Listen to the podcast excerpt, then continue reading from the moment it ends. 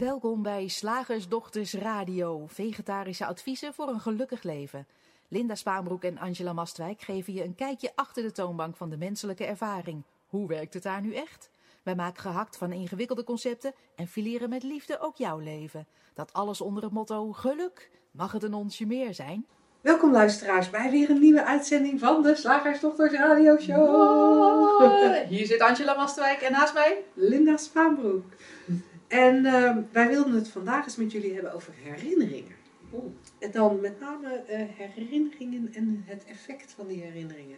Want we hebben ze allemaal, hè? Tenminste, als we niet aan totaal geheugenverlies lijden. herinneringen.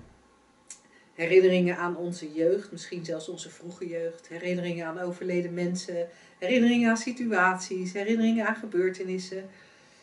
En in de loop der tijd zijn we in onze maatschappij iets interessants gaan doen met herinneringen die zo al opkomen. Vertel. We zijn ze gaan categoriseren Oh. en problematiseren. Jeetje, Ja, dat is zonde. ja. En, eh, en daar hebben we een hele industrie omheen gecreëerd. Oh joh. Nou, daar wilden we het eens even over hebben. Ja, ik vind het een mooi woord, herinneren. Ja, ik denk zo, terwijl jij zat te kletsen, denk ik, oh, herinneren. Het is eigenlijk een gedachte die opkomt. Het is een, het is, het is een gedachte Ja. aan iets wat eerder heeft plaatsgevonden. Of iemand die eerder in je leven was. En op het moment dat die gedachte opkomt, zit die weer even in je. Ja. Dus dan wordt hij weer even ge- verinnerd. gereanimeerd. Nou, weet je wat ik bij herinneringen gelijk... Nee, laten we, laat, nee, laten we even, even, even een stapje terug. Anders Ja. gaan we misschien te snel eh, de diepte in. Ja. En wie weet wat voor een herinnering onze luisteraars dan aan ons hebben als we dat zouden doen. Ja, oh, vreselijk. Eh, maar we hadden het over het categoriseren en problematiseren van herinneringen. Want dat vind ik wel leuk om even bij stil te staan. Ja, Omdat je herinneringen, herinneringen aan een vakantie, daar wordt meestal, nou dat is prima. ja, Maar een herinnering aan een vakantie waarop je kind brandwonden oploopt, dat is dan weer minder prima. Ja. Of herinneringen aan dat je vader je vroeger wel eens sloeg. ja, De vakantie is vijf jaar geleden en daar hebben we herinneringen aan en die herkauwen we. En dat vinden we dan prima. mhm. En ons vader sloeg ons 35 jaar geleden. En, daar, en die herinnering herkauwen we. En dat vinden we niet prima. nee. Want dan hebben we dus blijkbaar die, die herinnering, die laatste die jij noemt, of die brandwondvakantie, in de categorie ongewenst gezet. En ongewenst levert direct verzet op in de mens. Ja. Deze mag niet. ja. En logisch lijkt het, lijkt het. Want gedachten hebben nu eenmaal de neiging om een gevoel op te leveren. Hè? Ja, dat is heel gek. ja, doen ze allemaal. Dat doen ze, dat doen ze allemaal. Ook die hè? gedachten waarvan we denken dat ze geen gevoel opleveren, die Ja. dan toch wel. Ja. Ja, dat is interessant. Dus een herinnering is ook een gedachte. ja. En ehm, de herinneringen, de gedachten die fijne gevoelens opleveren, no problem. Eindeloos. Ah, weet je nog, die avondje. Het hangt de buren al uit hun keel, maar wij genieten er nog zo van. Oh, weet je nog, lieve, dat was echt zo gezellig. Kijk, kijk, kijk, kijk, dat is bij dat, bij dat, bij dat kerkje met die, met, die, met die nepklokken erin. Dat is in Portugal. Oh, Naast, was- dat, naast dat bakkertje met die lekkere... ja, Ja. oh weet je dat Ja. nog? Met die, met die bakkersroom. Nou, dat krijg je echt nergens meer. Hè? Oh joh, als we het er zo over hebben, ik, ik kan het nog proeven. Echt waterloop. Tijltje moet ik hebben, het water loopt me in de mond. Geen probleem. Maar ja, nu die, sla, die, die, die, die, die slaande vader. Slaande ruzie met de vader. Ja, want het verschil... Kijk, wa- waar jij, jij gaf een, natuurlijk een prachtig voorbeeld. Dat als je terugdenkt aan die bakker in Portugal... en dat taartje met die speciale room... dan loopt het water in de mond. Ja, Het taartje is in geen velden of wegen te bekennen. Het taartje is inmiddels vijf jaar geleden. En toch loopt nu het water in haar mond. Hoe, hoe cool is het om te herkennen dat als, we, als er nu een gedachte is, het lijf daar nu gevoel en, en effect bij geeft, als Ja. het ware. De special effects komen nu. Het taartje hoeft er niet eens te zijn. De special effects komen puur op basis van de gedachte die er is aan dat taartje.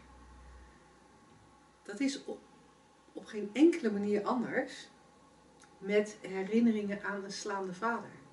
Als er nu gedacht wordt aan een vader die sloeg, dan wordt er niet alleen gedacht aan de vader die sloeg, maar dan wordt er natuurlijk automatisch ook gedacht aan de angst en de pijn die er toen was. En zodra er gedachten zijn over angst en pijn, wat doet het bewustzijn? Animeert het? Waar het voor aangenomen is. Dus komt er een gevoel waar er, een taart, waar er bij een gedachte aan een taartje speeksel komt, komt er bij een gedachte aan, aan angst en aan pijn, komt een naar gevoel. Ja, ik Ja. weet niet hoe dat zich bij jou uit. Misschien een knoop in je buik, misschien Kramping, zweten, verkramping. ehm, misschien ja, nog Paniekaanval? Ja. En, het, en waar wij heel graag op willen wijzen, is dat beide exact hetzelfde tot stand komt. Beide is eigenlijk precies hetzelfde.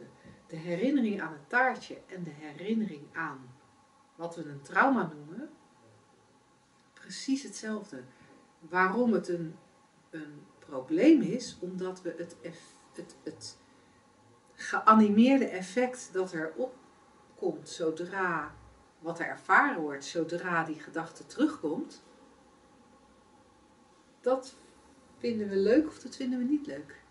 Daar schrikken we van of daar schrikken we niet van. En er is nog nooit iemand geweest die naar de dokter is gegaan om te zeggen: Dokter, elke keer als ik terugdenk aan die vakantie in Portugal en aan die taartjes bij die bakker, dan begint het speeksel mijn mond te lopen. Er is iets mis met mijn speekselklieren. Ja. Kan ik hier aan geopereerd worden? Wat moeten we hier aan doen? Pillen. Ik wil de pillen voor, gewoon. Ik wil dit niet meer. Ik Ik, heb- wil niet meer die spuug in mijn mond. Dat doen we niet, hè? Maar op het moment dat we eenzelfde soort animatie hebben, alleen de animatie is er dan een van verkramping of van een angstaanval, dan zeggen we ja, maar dat, dat, dat kan niet. Nee. En dan gaan we proberen te knutselen aan. Omdat we het effect niet willen, gaan we proberen te knutselen aan de herinnering. Ja, Maar of, die aan, of aan herinnering- het effect. Ja, soms knutselen we natuurlijk ook aan het effect. Ja, dan geven Ja. we pillen zodat het effect niet Ja. ontstaat. Maar inderdaad, we gaan ook die, die herinneringen gaan we dan. Ja. Daar gaan we ook aan knutselen. Wat, wat doen we er zoal mee? Nou ja, ehm, we gaan ehm, die herinneringen ehm, proberen te, te, te herleiden. Wat dat toen met mij deed. En dan krijgen we natuurlijk helemaal iets leuks. Want dan gaan we nu terugdenken aan iets wat toen gebeurd is. Die vaak terugdenken. Die vaak terugdenken. Dus vaak ook dat gevoel oproepen. En dan eigenlijk een verhaal verzinnen bij wat er toen gebeurde. Ja. En dan, en dan, en dan gebeurt er iets interessants. Hè? Als, ik, en, eh, als ik een voorbeeld geef uit mijn eigen leven naar iets waarvan je zou kunnen zeggen dat is eh, traumatisch, dan eh, nou, laten wij een willekeurige herinnering eh, aan een van mijn ongelukken nemen. Toen zal ik gewoon die herinnering nemen van, van, die, van die vakantie met brandwonden. Want dat is ook nog echt gebeurd. Alleen was het mijn dochter die de brandwonden opliep. Wij hadden, wij hadden een vakantie waarbij mijn dochter bij mensen op visite was. Op de camping, hè. En eh, ze zaten met eh, het, het vakantievriendinnetje en de vader van het vakantievriendinnetje en haar broertje zaten om zo'n klein campinggasstelletje heen. En eh, op, een, op, kleine stoeltjes. En de papa was een, ei aan het bakken en die liet zien aan de kinderen hoe hij dat keurig in drie delen ging verdelen. Die kinderen vonden dat interessant, bogen voorover. Mijn dochter boog iets verder voorover dan de andere kinderen, kiepte van haar stoeltje op het gasstelletje en had eh, achteraf vrij ernstige brandwonden. ik vertel nu dit verhaal, maar of dit verhaal correct is, zullen wij nooit weten. Want het is al lang geleden en ik diep een herinnering op. Ik probeer gedachten die er toen waren, nu terug te krijgen. Geen idee of ze nog adequaat zijn. En waarom begin ik hierover? Eigenlijk om aan te tonen dat zodra we over het verleden beginnen te praten, we eigenlijk een willekeurig verhaal opdiepen. Want ik kan nu een verhaal, ik kan, ik kan hier een verhaal bij vertellen over dat de vader dit eigenlijk anders had moeten doen en een fout had gemaakt. Ik kan, ik kan een verhaal vertellen over mijn reactie en wat wij met, het, met onze dochter hebben gedaan en hoe we het hebben opgelost en wat er mis is gegaan en wat er goed is gegaan. Maar het is elke herinnering klopt eigenlijk niet. Die, die, die, die kan gewoon niet kloppen. Nee. Elke herinnering is een soort opgetuigde kerstboom van, van gedachten. Gedachten van die toen misschien gedacht zijn, maar vooral ook heel veel gedachten die in de periode erna gedacht zijn. Ja. En die probeer ik dan nu allemaal uit een, uit een koffer die onder een dikke laag stof ligt te halen. En te reanimeren. Die probeer ik te reanimeren. En het gebeurt in alle onschuld, hè. We, we, we hebben elkaar aangepraat dat, dat een, een ervaring, een menselijke ervaring, bijvoorbeeld van, van angst, problematisch kan zijn, al in het nu. En dat het ergens aan vast kan hangen in het, in het verleden. En, en daardoor zijn we er ook zo naar gaan kijken in de psychologie. Ja, en, en als je dan dat voorbeeld neemt, hè, dit voorbeeld van die, van die dochter, dan, dan, dan een van mijn herinneringen daaraan is dat ik haar, haar verband moest verschonen. En, dat dat, en dan moest ik de wond uitspoelen. En dat dat gruwelijk veel pijn deed. Ja. Dus dat zij krijste, krijste, krijste. En wij waren op een camping. De halve camping kon mijn kind horen. En dan kan ik een verhaal vertellen over hoe, wat dat doet met een moederhart. Ja. En hoe pijnlijk dat voor mij is. En hoe vreselijk voor haar vader. En hoe vreselijk voor het kind zelf. En hoe vreselijk voor het broertje die erbij stond en niks kon doen. En eh, een broertje dat geen aandacht kreeg. Ik kan daar allerlei verhalen over vertellen. En, en, en als ik naar een psycholoog zou gaan. Omdat ik zou zeggen van ja, elke keer dat ik, dat ik hier aan denk. Voel ik me zo schuldig dat ik haar zo'n pijn heb gedaan dan gaat een psycholoog in alle onschuld met mij kijken naar die gedachten. Ja. En gaat mij vertellen dat, het, dat ik niet anders kon. Of dat het een natuurlijke reactie was. En misschien gaat ze me eh, de, bele- de herinnering opnieuw laten beleven en EMDR doen in de hoop dat daarmee het gevoel een beetje van de herinnering afgaat. Maar al die tijd vergeten we dat, dat het niks is. Ja. We vergeten dat, we, dat, dat, dat het alleen maar, en ik zeg dat een beetje voorzichtig, want het kan, ook, het kan natuurlijk een hele heftige reactie zijn waar we van schrikken. Maar het is nooit meer dan een gedachte. En je hoeft niet met de inhoud aan de slag. Want dat is eigenlijk wat je zegt, Linda. Van dat, Ja. we, dat we gewend zijn met de inhoud aan de slag te gaan. En het een plekje te geven of te verwerken of te, te EMDR'en of eh, weet ik veel wat. En wij zeggen nee, maar kijk niet naar de inhoud, maar naar het, het, het, het systeem. Het feit dat het een gedachte is. Het feit dat elke gedachte een gevoel oplevert. Het feit dat het systeem zo werkt. En als je dat gaat herkennen en erkennen, dat is fundamenteel. Want dan, Ja. dan hoef je niet aan de slag met iets. Nee. Dan hoef je het niet te, te, eh, op te lossen. Ja, ja nee, precies. Wat een veel adequatere manier om dit te zeggen dan mijn hele verhaal. Ja, maar dat Ehm. kan juist heel erg illustratief zijn. Nee, voor van oh ja, dat heb ik ook, of ik, dat, dat doe ik daarmee, of dat, dat, dat is juist mooi, die voorbeelden Ja. erbij. Ja. En als je nu, als jij een van onze luisteraars bent die zegt ja, en, en dat zeg ik dus vaak tegen mezelf, hè? Ja. Ik zeg dan dus vaak tegen mezelf, het is maar een gedachte en dat helpt niet. Dan zou ik je heel graag willen uitnodigen. eh, om eens iets bij ons te komen doen. Eh, om een keer naar een shiftdag te komen of naar een driedaagse te komen. Of lid te worden van de Makkelijk Leven Community of kraak de code coaching te doen. Maar kijk eens of je iets, iets kan doen bij ons. Omdat als alleen maar zeggen het is maar een gedachte tegen jezelf als een mantra, dat is hem niet. Nee, dan doe je er Dan- alsnog iets mee, hè? Dan doe je er alsnog je iets alsnog mee. En dan, dan geloof je alsnog iets. En dan, Ja. werkt, dan, dan- dan werkt het ook niet. En door wat langer met ons in gesprek te gaan, misschien ook wel over jouw eigen thema's, eh, kan daar, kan daar iets, in, eh, iets, iets fundamenteels in veranderen. Zodat dat trucje van het is maar een gedachte, het is maar een gedachte, ehm, dat je dat ook los eh, kan laten. Zeg, slagersdochters, hoe bak ik die vegaburger? Over naar de luisteraarsvraag.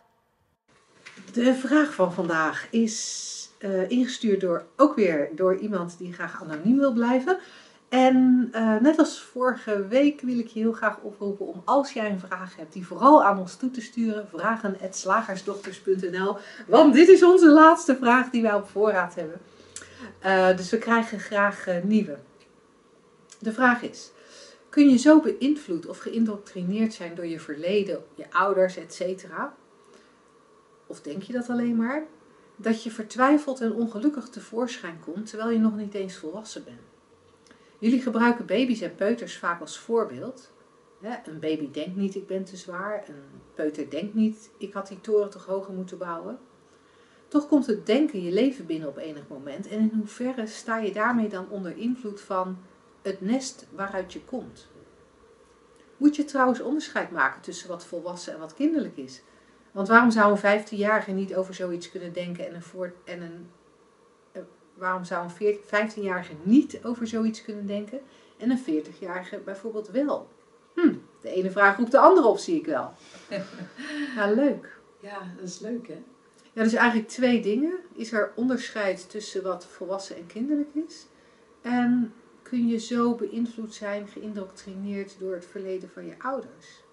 Leuk. Dat, dat, dat onderscheid tussen volwassen en kinderlijk vind ik eigenlijk meer het onderscheid eh, als wij dat eh, voorbeeld gebruiken hè, van, van heel kleine kinderen die weliswaar wel in een wereld van denken leven, want daar word je in geboren als mens, maar nog niet het conceptuele brein hebben ontwikkeld. Dus nog niet kunnen bedenken wat er, eh, wat er niet is. Ja. Ja. Daarom is het ook zo leuk om kiekeboet te spelen met een, met een baby. Want als het doekje over het gezichtje ligt, dan kan het niet bedenken dat daar een wereld achter zit. En dan is het elke keer weer een verrassing. Oh, eh, hoe cool. Ehm, dat die wereld verschijnt. Maar dan zou ik liever het- het onderwerp of het onderscheid maken, is ook arbitrair. Hè? En pin ons niet vast op woorden, want woorden zijn hier toch nooit 100% toepasselijk.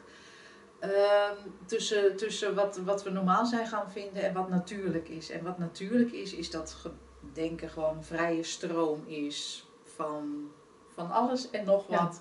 Niemand die zich er druk om maakt. Er is krijsen, er is spelen, er is nou ja, van alles wat er, wat er, zich, eh, wat er zich aandient. En op een gegeven moment gaat het conceptuele denken zich ontwikkelen. Misschien dat dat dan een onder, onderscheid is, maar ik, ik hou eigenlijk niet zo van onderscheid maken, hè, want dan hou ik het heel graag simpel. En dan kunnen we gaan bedenken wat er niet is. Ja. En dan kunnen we situaties gaan, gaan, gaan, eh, gaan in, inbeelden van, oh maar morgen moet ik... Of, eh, oh, gisteren was erg. Nou, dat kunnen we niet als, als dat conceptuele brein nog niet is ontwikkeld. Dus dan, dan is er altijd alleen maar dit moment. Maar dit moment kan wel heel random zijn. Ja.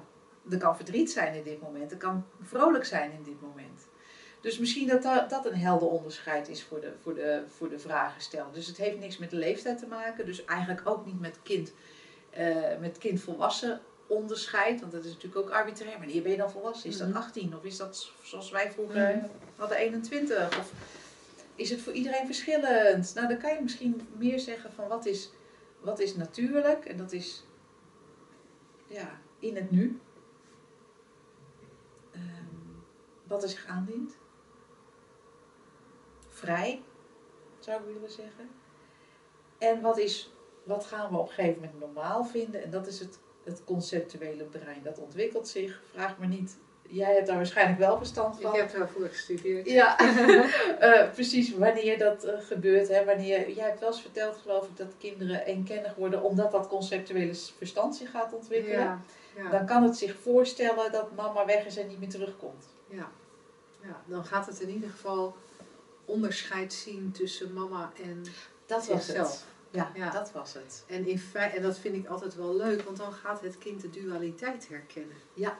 En het is de dualiteit waar we, als we ergens onder lijden, is het de dualiteit waar we onder lijden. Oeh.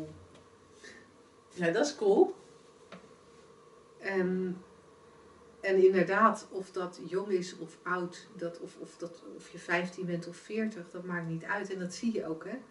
Er zijn eh, kinderen die soms uitspraken doen of vragen stellen over dingen waar sommige andere mensen zich pas op veel oudere leeftijd mee bezig gaan houden. Of soms zelfs helemaal niet.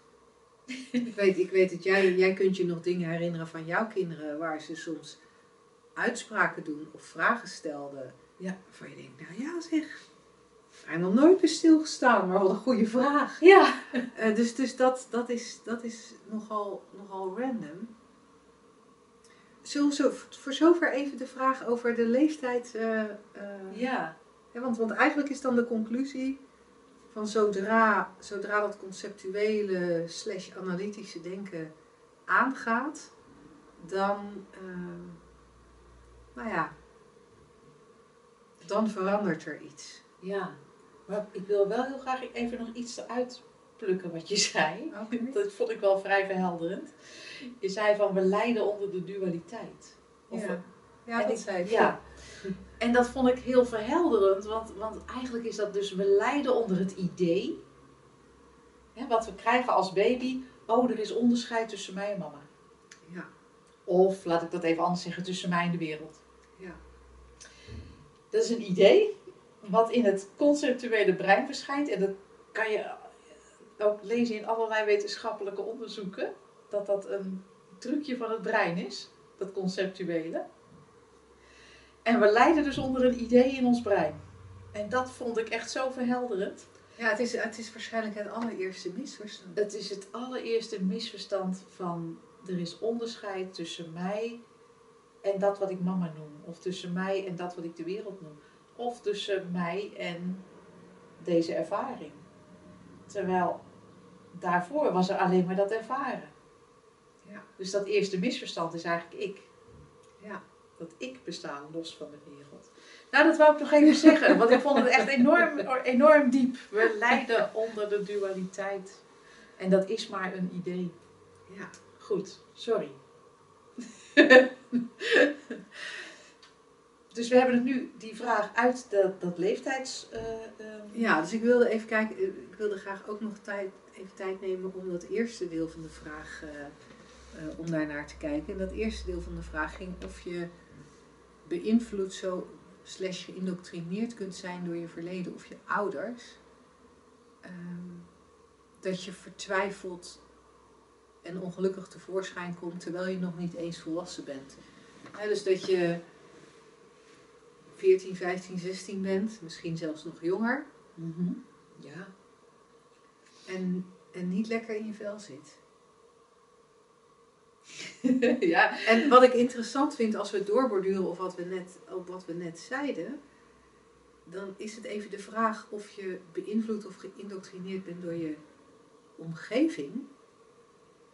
Of dat er heel veel geloof is ontstaan in dat eerste misverstand. Dat, ja. dat onderscheid tussen jou en de wereld. Ja, want ik denk dat dat, dat, dat geloof in die dualiteit, hè, die, dat, dat, waar we dan vervolgens onder lijden, dat is ook het geloof in gedachten die ons aangereikt worden. Ja, en als er dan een gedachte zich eh, aangereikt wordt, ehm, ik doe het fout. Hè, Ja. Omdat er door ouders of door leerkrachten tegen je gezegd wordt, je doet Ja. het fout. Dit is het verkeerde gedrag. Hier houden we niet van. Als je niet, dan vind ik je niet meer lief. al dat soort gedachten, eh, ja, als die geloofd worden, dan, dan kan ik me voorstellen dat je al op zeer jonge leeftijd vertwij- vertwijfeld, zoals de vraagstelster het noemt, vertwijfeld tevoorschijn komt. Ja. Eh, het interessante vind ik wel daaraan dat eh, je zou hieruit kunnen oppikken van, oh, maar dan is het dus de schuld van de ouders of het is de schuld van de leerkracht. Het is heel interessant om te zien dat wat het ene kind oppikt uit dezelfde woorden iets totaal anders kan zijn dan wat het andere kind oppikt uit dezelfde woorden of uit dezelfde opvoeding. Ja, precies. En dat maakt ook het kind niet schuldig. Want je bent natuurlijk die, die eerste, ja, die, die, die eerste vergissing, zoals jij noemde, daar ben je ook al niet schuldig aan. Je bent er niet schuldig aan. Dat is gewoon iets wat er gebeurt, blijkbaar, in dit menselijke bestaan. We hoeven daar ook niet van af. We hoeven ook niet angstvallig onze kinderen te gaan opvoeden met... je bestaat niet hoor. Je moet niet geloven dat je een ikje bent hoor. Dat is echt niet goed voor je. Dat hoeft ook niet. Ehm, dus het gebeurt in alle onschuld. Dat we dat, dat, dat waargenomen en geloofd wordt. Maar precies wat je zegt Linda. Het is volkomen random hoor. Wat, wat we allemaal eh, gaan geloven persoonlijk. En er zijn prachtige voorbeelden van natuurlijk. Van mensen die dan gevraagd wordt om over hun jeugd te vertellen. Uit hetzelfde gezin. Exact hetzelfde gezin. Die heel andere dingen gehoord hebben van, van, dezelfde, van dezelfde ouders. Die Ja. dezelfde uitspraken deden. Waar, die dus door het ene kind zo zijn geïnterpreteerd. En door het andere kind zo anders zijn geïnterpreteerd. Of totaal niet geloofd zijn. Nee, en dat zie je bijvoorbeeld ook wel in dingen dat. eh, je, je hoort wel eens mensen zeggen van. eh, ja, toen werd er tegen me gezegd dat, eh, dat, ik, dat ik iets niet zou bereiken. Ja. Bijvoorbeeld, toen, toen ik jong was, kon ik heel erg goed zwemmen. Ik zat op z- wedstrijdzwemmen, kon heel goed zwemmen. En op een gegeven moment werd daar aan mijn ouders eh, verteld dat eh, wil- wilde ik iets bereiken in het zwemmen, eh, dan moest ik meer gaan trainen. En ik trainde op dat moment vier keer in de week. En dan moest ik meer gaan trainen en dat betekende dat ik ook door de week vaker 's ochtends om zes uur moest gaan trainen. En mijn ouders vonden dat niet een goed idee. Die dachten dat mijn schoolwerk er om me leed. Mijn persoonlijke conclusie toen, als jong kind, hè, want ik was twaalf. mijn conclusie was, nou dan heeft dat hele wedstrijd zwemmen geen zin meer. Want als ik toch niet meer mag trainen, nou dan wordt het dus blijkbaar niks. En toen ben ik ermee gestopt. Je zou je heel goed voor kunnen stellen, en die voorbeelden zijn er ongetwijfeld, van kinderen die iets dergelijks horen. En dan denken, nou, ik zal eens even laten zien. Ja. Dat het dus ook kan met vier keer in de week trainen. En als ik dan wat ouder ben, dan, eh ik ga gewoon de komende jaren net zo lang zeuren tot ik wel zes keer in de week mag trainen. Ik zal wel laten zien dat ik het kan. Ja. En, en daar merk je al aan dat hoe, hoe iets opgepikt wordt, zo persoonlijk is. Ja? Dus dat kan je eigenlijk de ouders eigenlijk, eigenlijk niet verwijten. Nee, nee. Ik zei laatst tegen iemand, dat was heel, heel grappig, dat, eh, ik dacht, oh, dat, is- dat is geinig. ik neem er ook geen verantwoordelijkheid voor. Ik zei, ja, soms is wat er, wat, er, ehm, wat er gezegd wordt niet wat er gehoord wordt. En wat er geschreven wordt is niet wat er gelezen wordt. En, ik, en dat was, ging specifiek over een, een, een mailtje in een bepaalde situatie.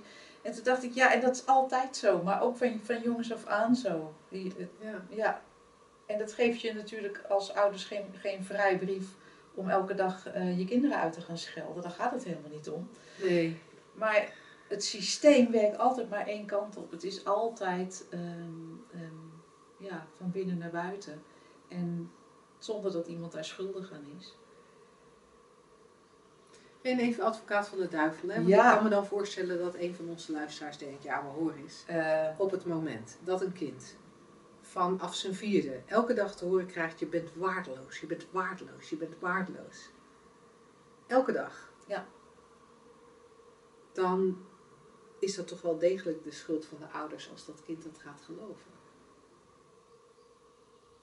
ja. En ik denk dan, die ouders zijn natuurlijk ook volledig onschuldig in hun geloof dat dat kind waardeloos is. En in hun geloof dat dat gecommuniceerd moet worden. Ja. Ja, Ja, in die zin is er wel onschuld. En tegelijkertijd kan ik me in zo'n geval wel voorstellen dat je, dat je con- constateert, of dat nou waar is of niet, maar dat je dan constateert van ja, doordat dat kind dat elke dag te horen Ja. krijgt, is het kind het gaan geloven en komt het nu, nou ja, tevoorschijn hè, op een manier dat, dat die de vraagstelster dan als, Ja. als problematisch ziet. Eh, En, en tegelijkertijd denk ik, en het, het, het, ehm, het verhelderende van deze richting op kijken kan zijn van, oh ik hoef dus niks te geloven. Niet wat ik zelf denk, niet wat de maatschappij van moeder zegt. Oh wacht, dit is, de hele wereld bestaat uit denken. En daarmee kan er zo'n enorme shift ontstaan dat, ehm, ja, dat, dat, dat, dat het geloof in die gedachte wegvalt. ja. Ook bij iemand die dat al, die dat jarenlang eh, te horen heeft gekregen. Zo hebben we ook allemaal jarenlang te horen gekregen, waarschijnlijk dat we rechts moeten rijden. Dat zijn we ook gaan geloven. Ja, En dat is op zich een praktisch geloof. ja, Ja, dat is een handige. Ik, ben, ik, ben, ik geloof dat eh, eh, proestende en snuivende hondjes op de achtergrond tijdens een podcast niet zo handig is. Dus Oh ja. excuses voor onze luisteraars dat ons, dat ons gasthondje van vandaag enorm aan het eh, kuchen en doen is. Misschien hoor je het niet eens, maar daar had ik even een gedachtespoortje over.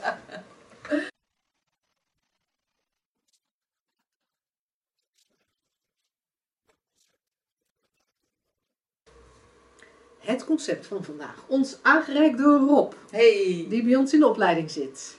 Eh, het is een, eh, een tekst eh, die hij van een rouwkaart op een rouwkaart las. En hij had zoiets van, oh, maar dat is wel een interessant concept voor de radioshow. De mens wikt, maar God beschikt. Wauw. En zij- en de vertaling die hij erbij gaf is, de mensen maken allerlei plannen. Maar het is niet aan hen of dat ook gebeurt, dat is aan God. Ik moet gelijk weer terugdenken aan wat je net zei. Het gaat over herinneringen, toch? Ja. Nou, herinneringen zijn ook iets wat, wat drie minuten geleden werd gecommuniceerd hoor. Ehm, van die, die eerste, dat eerste misverstand. Dat, dat geloof in de dualiteit. En als je denkt, het is de mensen en God daarbuiten. Dat is ook al, ook al ehm, het geloof in, in. Dat heeft te maken met dat eerste misverstand. Eh, ehm, dat wat je God noemt, wat het dan ook is voor jou, hè? Wat, welk beeld je erbij hebt, welk conceptje, hoe je het invult.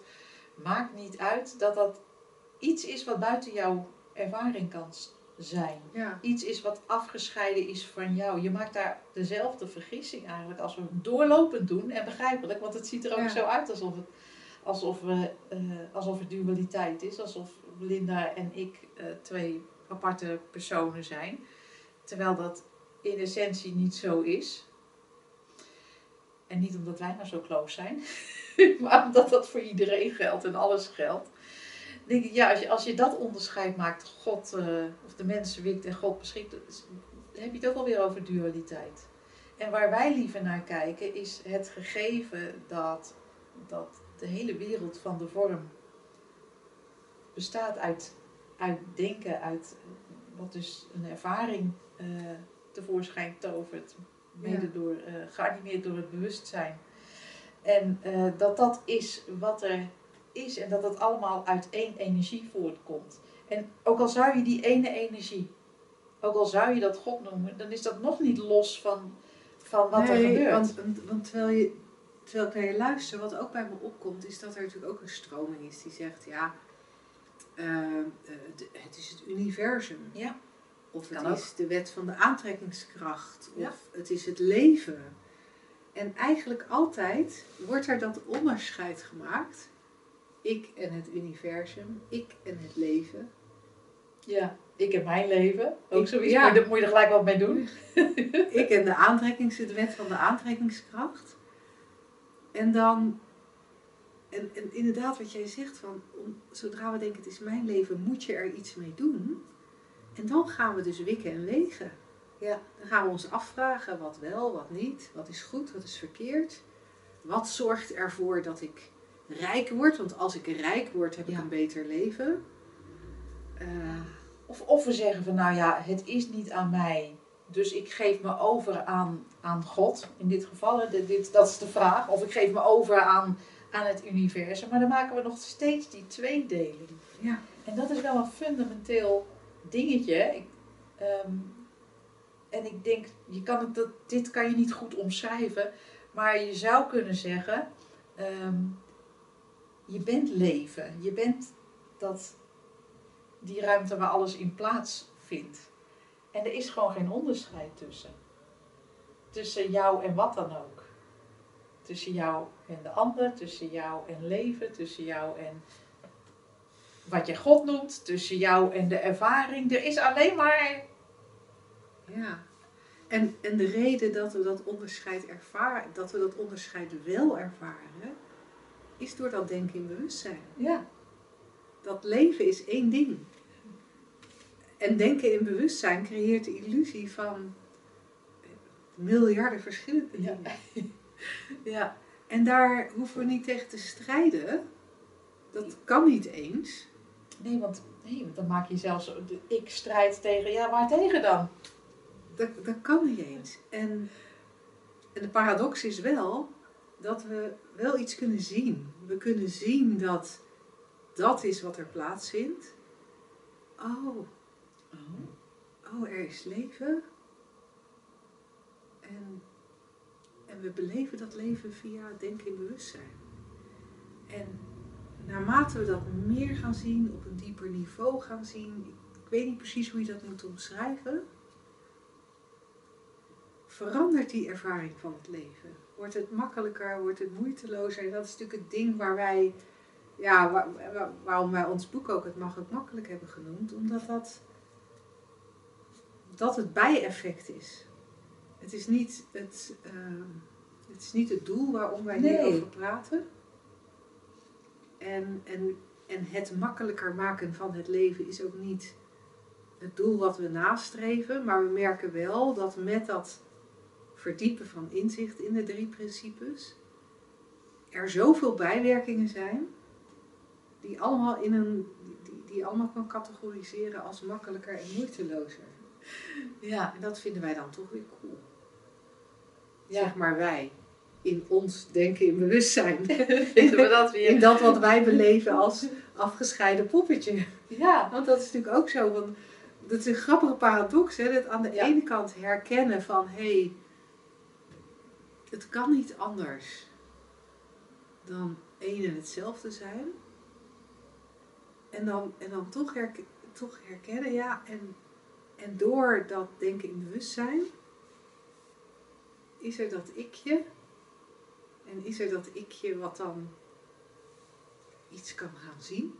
Ja, je komt in een soort rare, ja, je Ja. komt in een paradox terecht. je komt, en dat, en dat kan ook niet anders, omdat je, ja, alle, elke woord, elk woord wat we gebruiken is al, is al vorm. En eh, waar we het over hebben, dat, dat kan je niet eens, dat is zo ongrijpbaar eigenlijk, dat het allemaal één is, want zo wordt het niet ervaren inderdaad.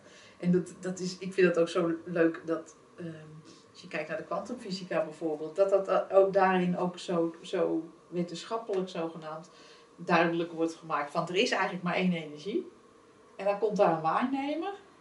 Hup, en dan, zijn, dan, dan zijn, is het ineens eh, hoog en laag en zwart en wit. En, en dan zijn het ineens van één energiezee zijn het allemaal deeltjes geworden.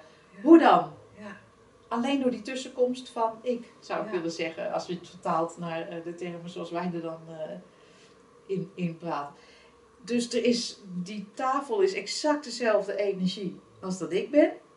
Als je het inzoomt, hoe verder je inzoomt, hoe, dan hou je uiteindelijk alleen maar energie over of niks over. Het is de ruimte over.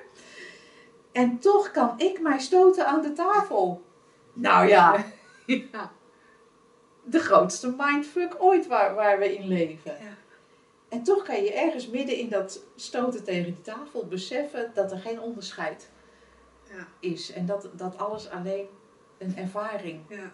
ja, en wat voor mij dan echt, wat ik zo fantastisch vind, is dat daar naar, daar naar kijken, je daarover verbazen, daarover mijmeren, tot effect heeft. Want het is eigenlijk redelijk vaag hè, om daarover te mijmeren. En dat heeft tot effect dat problemen verdwijnen. Ja, dat is wel eh, heel bijzonder. Dat in mijn geval Dat chronische niet meer pijn ver- Ja, dat chronische pijn verdwijnt.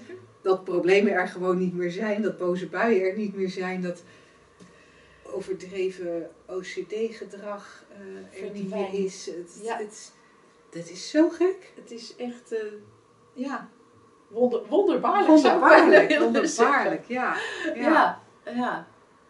Nou Rob, tot zover onze mijmeringen over het concept. Misschien was het wel heel anders dan je gedacht had dat we erover gingen kletsen. Ja, ja. we zijn benieuwd.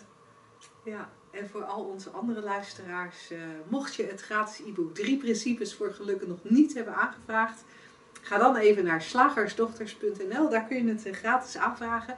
En eh, dan ontvang je ook gelijk elke maandagochtend Shift Magazine met een lekker nieuw artikel en een leuke nieuwe video. En dan eh, is er nog meer voor je om van, Meer, meer, meer om van te genieten. Hey, graag tot later. Tot dan.